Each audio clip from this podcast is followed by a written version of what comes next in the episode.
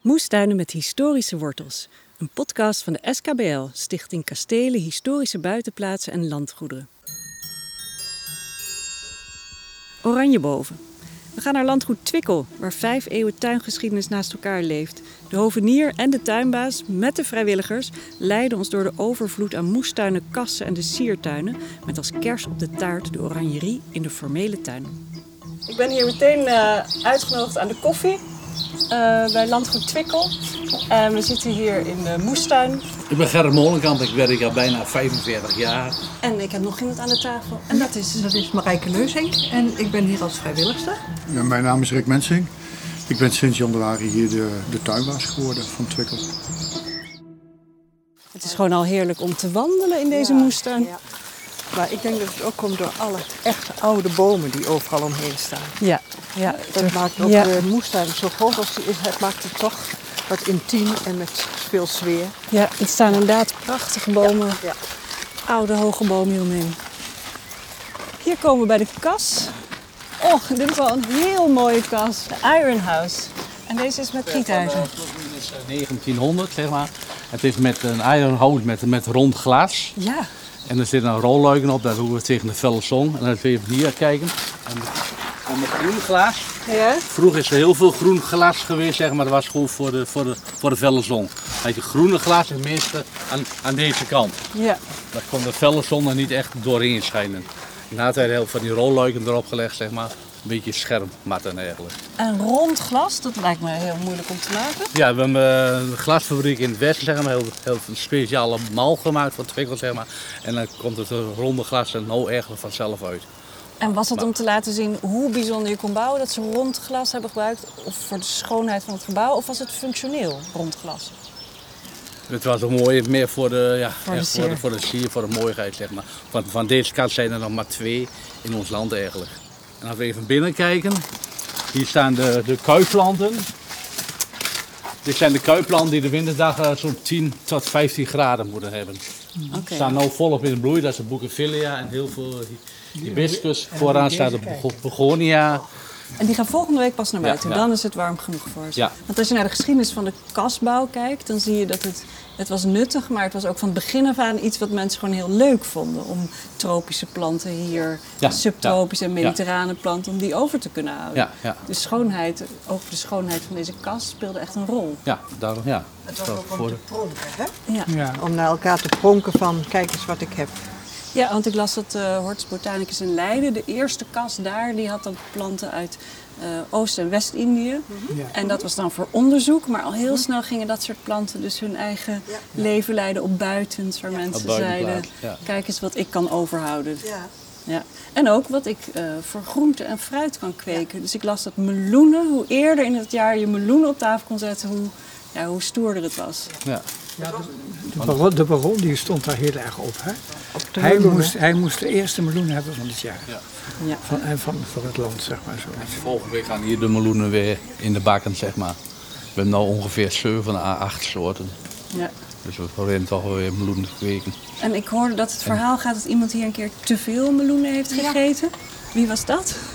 Dat was de baron of de broer? Voor zelf, ja. ja. baron zelf. Ja. Veel ziek geworden van te veel meloenen. Ja. Te lekker.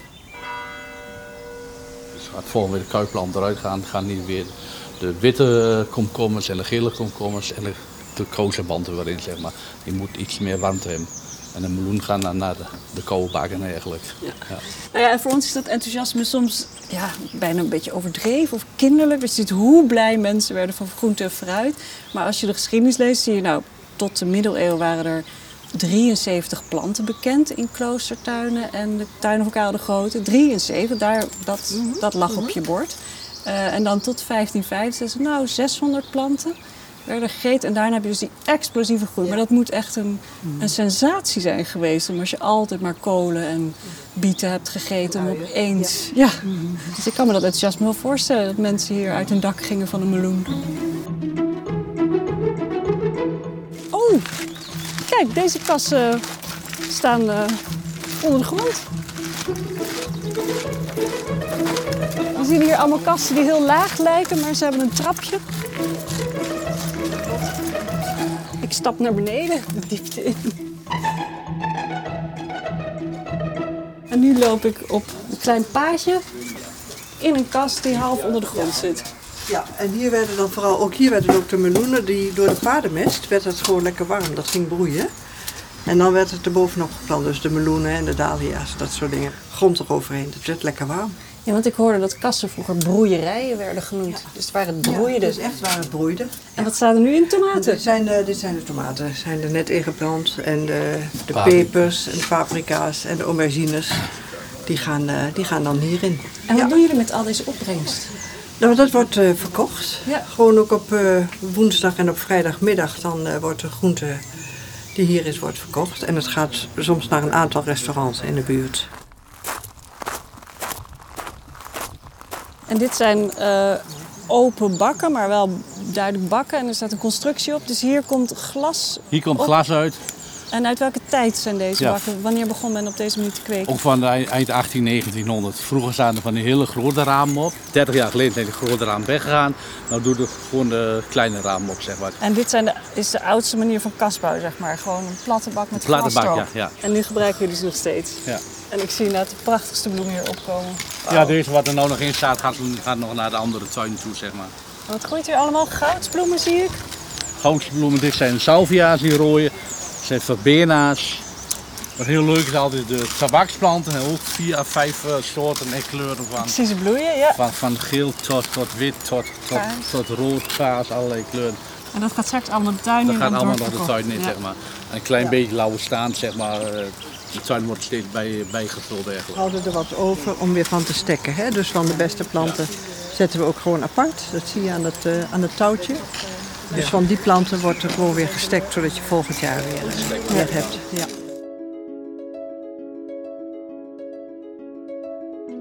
Voor de tijd was alles moestuin hier. Toen werden hier bijna 20, 25 man. Maar dan hadden we bijvoorbeeld 10 rijn rooikool, 10 rijn bloemkool, 10 rijn savooikool. En alles wat de baron of de bara- barones niet aten, zeg, ging naar het ziekenhuis in Delden. Dus, maar er moest elke dag wel sla weer zijn. Ook al zal de barones eh, vier weken geen sla eten. En de vijfde week was er bijvoorbeeld geen sla, dan werd die twee man ontslagen.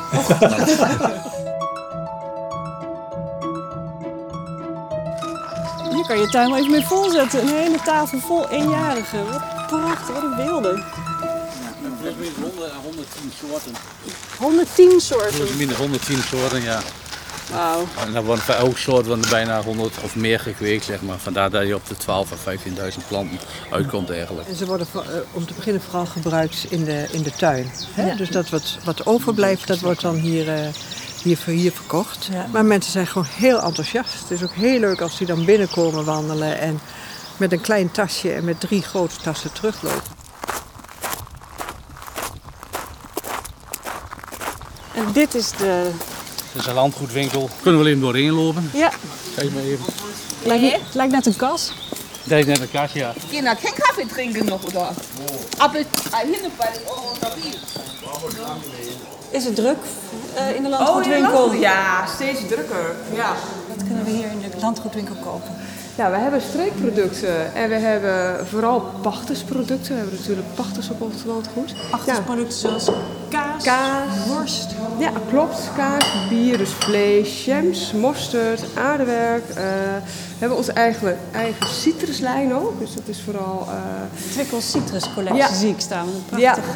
eh, dat is echt geënt zeg maar op, eh, daar weet eh, Gerrit weer alles We gaan van, nu op de kijken bij de citrusbomen. orangerie. Ja, Ja. ja. dus dat is ook heel bijzonder, ja, En dan kan ik hier een eh citruskussentje kopen. bijvoorbeeld. Er zijn wel heel veel mensen betrokken bij dit landgoed. Ja, heel veel mensen. En leuk om hier te werken. Ja, heel leuk om hier te werken. Ik kom straks terug om in te slaan, maar nu gaan we Ja. even door naar de oranjerie. Heel erg bedankt. Tot ziens.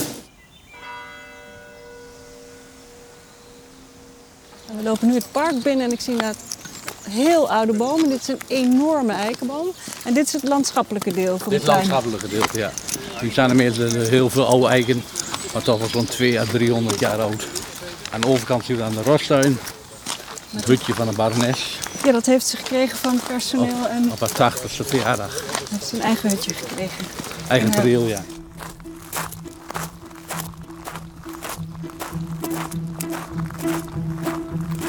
Ja, Mijn naam is Rick Mensing. Een van de aspecten van een, dat het niet een 17e eeuwse tuin is, zijn deze topoaria, dus de vormsnoer. Ja. En die zijn ook een beetje geëvalueerd. Want je ziet bijvoorbeeld eh, dat konijntje daar, dat was een haasje. En we hebben daarachter een vogeltje, maar dat was een schildpad. Dus je ziet dat ze in de loop van de jaren veranderen. En dat hoort ook een beetje bij, bij dit werk. Maar hier hebben we een fantastisch uitzicht op het kasteel. Dat is altijd een van de mooiste ingangen. En er staan hier onze eh, oranjebomen. Die staan hier allemaal aan, de, aan het pad.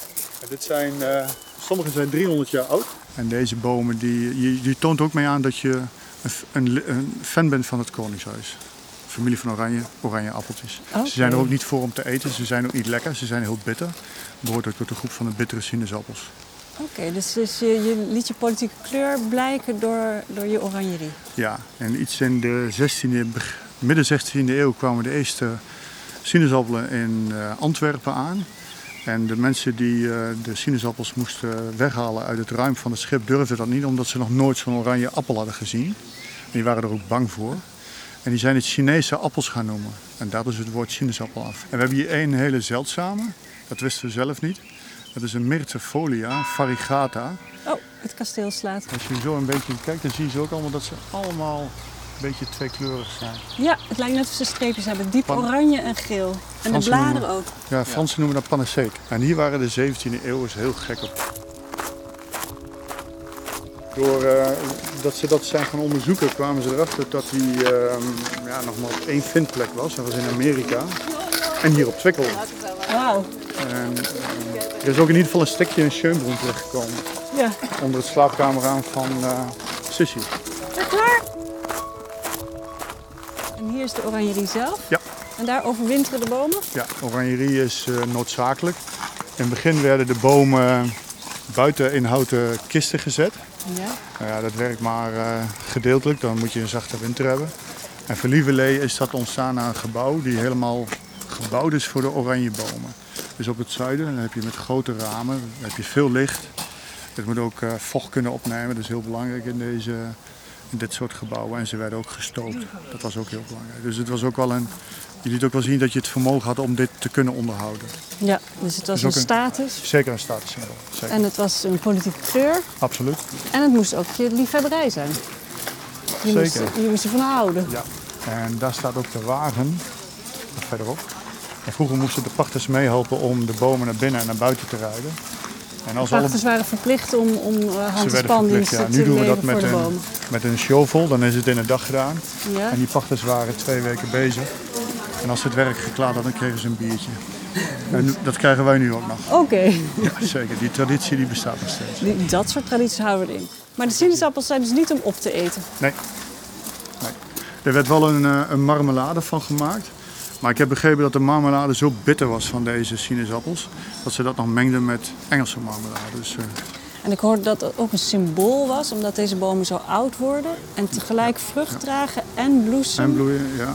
En dat ze zeiden dat is het symbool voor ja, lange, lange ja. Nou ja, groeikracht. sommigen, het lijkt wel alsof ze het eeuwige leven hebben. maar ze worden stokoud, ja. Dat is Ja. waar. Het is bijna een soort bonsai-techniek wat je hier doet. Oké. En ze worden ook echt subliem verzorgd. Dat, dat, Ja. dat maakt ze ook de mogelijk dat ze zo oud kunnen worden. En het liet dus eh, zien, zoals deze bomen zo oud kunnen worden, zo kan onze familie zo lang Ja. doorleven. En Dat- vooral als je dan van oranje heet, heb je Ja. natuurlijk een soort dubbele bonus. Absoluut. Ja. En hoe voelt het om een boom te verzorgen die 300 jaar oud is? Ik bedoel, dan Nou, dat- rust dat- er wel wat op je schouders. Dat voelt heel apart, ja. ja nou, gelukkig heb ik heel ervaren collega's om me heen. Ja, dat is niet zomaar wat. Nee. Ook de beslissingen die daar eventueel in genomen moeten worden. Wanneer je verkuipt, wanneer er gesnoeid wordt, wanneer er gemest wordt, wanneer ze naar buiten gezet worden. Ja, dat is- zijn wel dingen, dat, eh, daar ben ik wel heel erg alert, ja. En wanneer worden ze buiten gezet?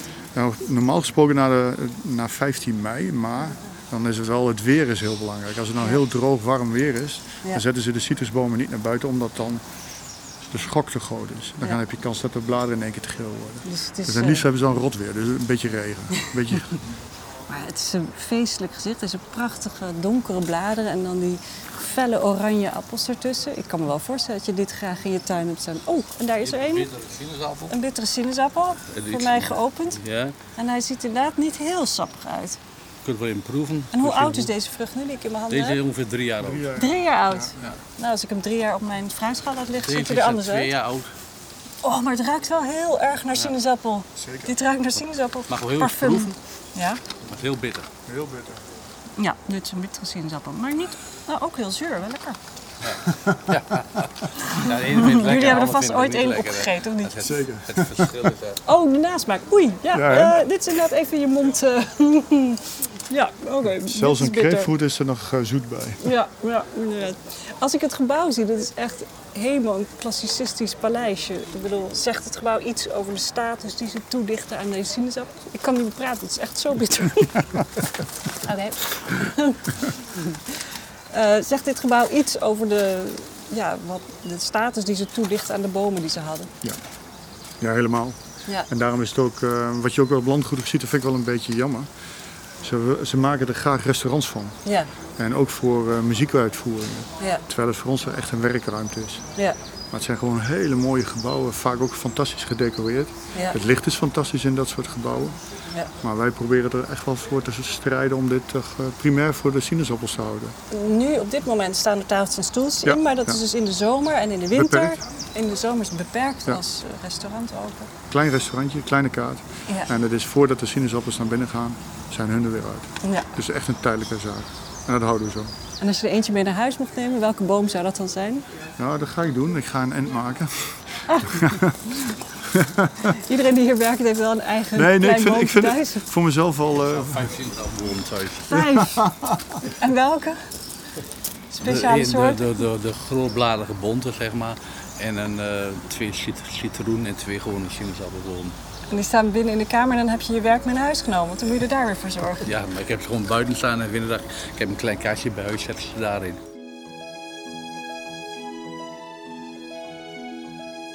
We worden uitgeleiden gedaan door. Rob Bloemendaal, beheerder. En ik krijg nu de, de, het piepende hek te horen.